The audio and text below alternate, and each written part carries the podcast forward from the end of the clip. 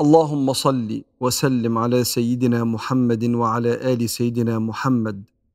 مصدر كل جمال وكمال. صلاة تحفظنا بها في اليقظة والمنام.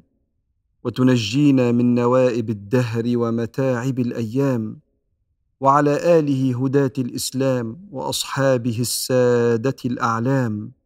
وأزواجه الطاهرات الكرام.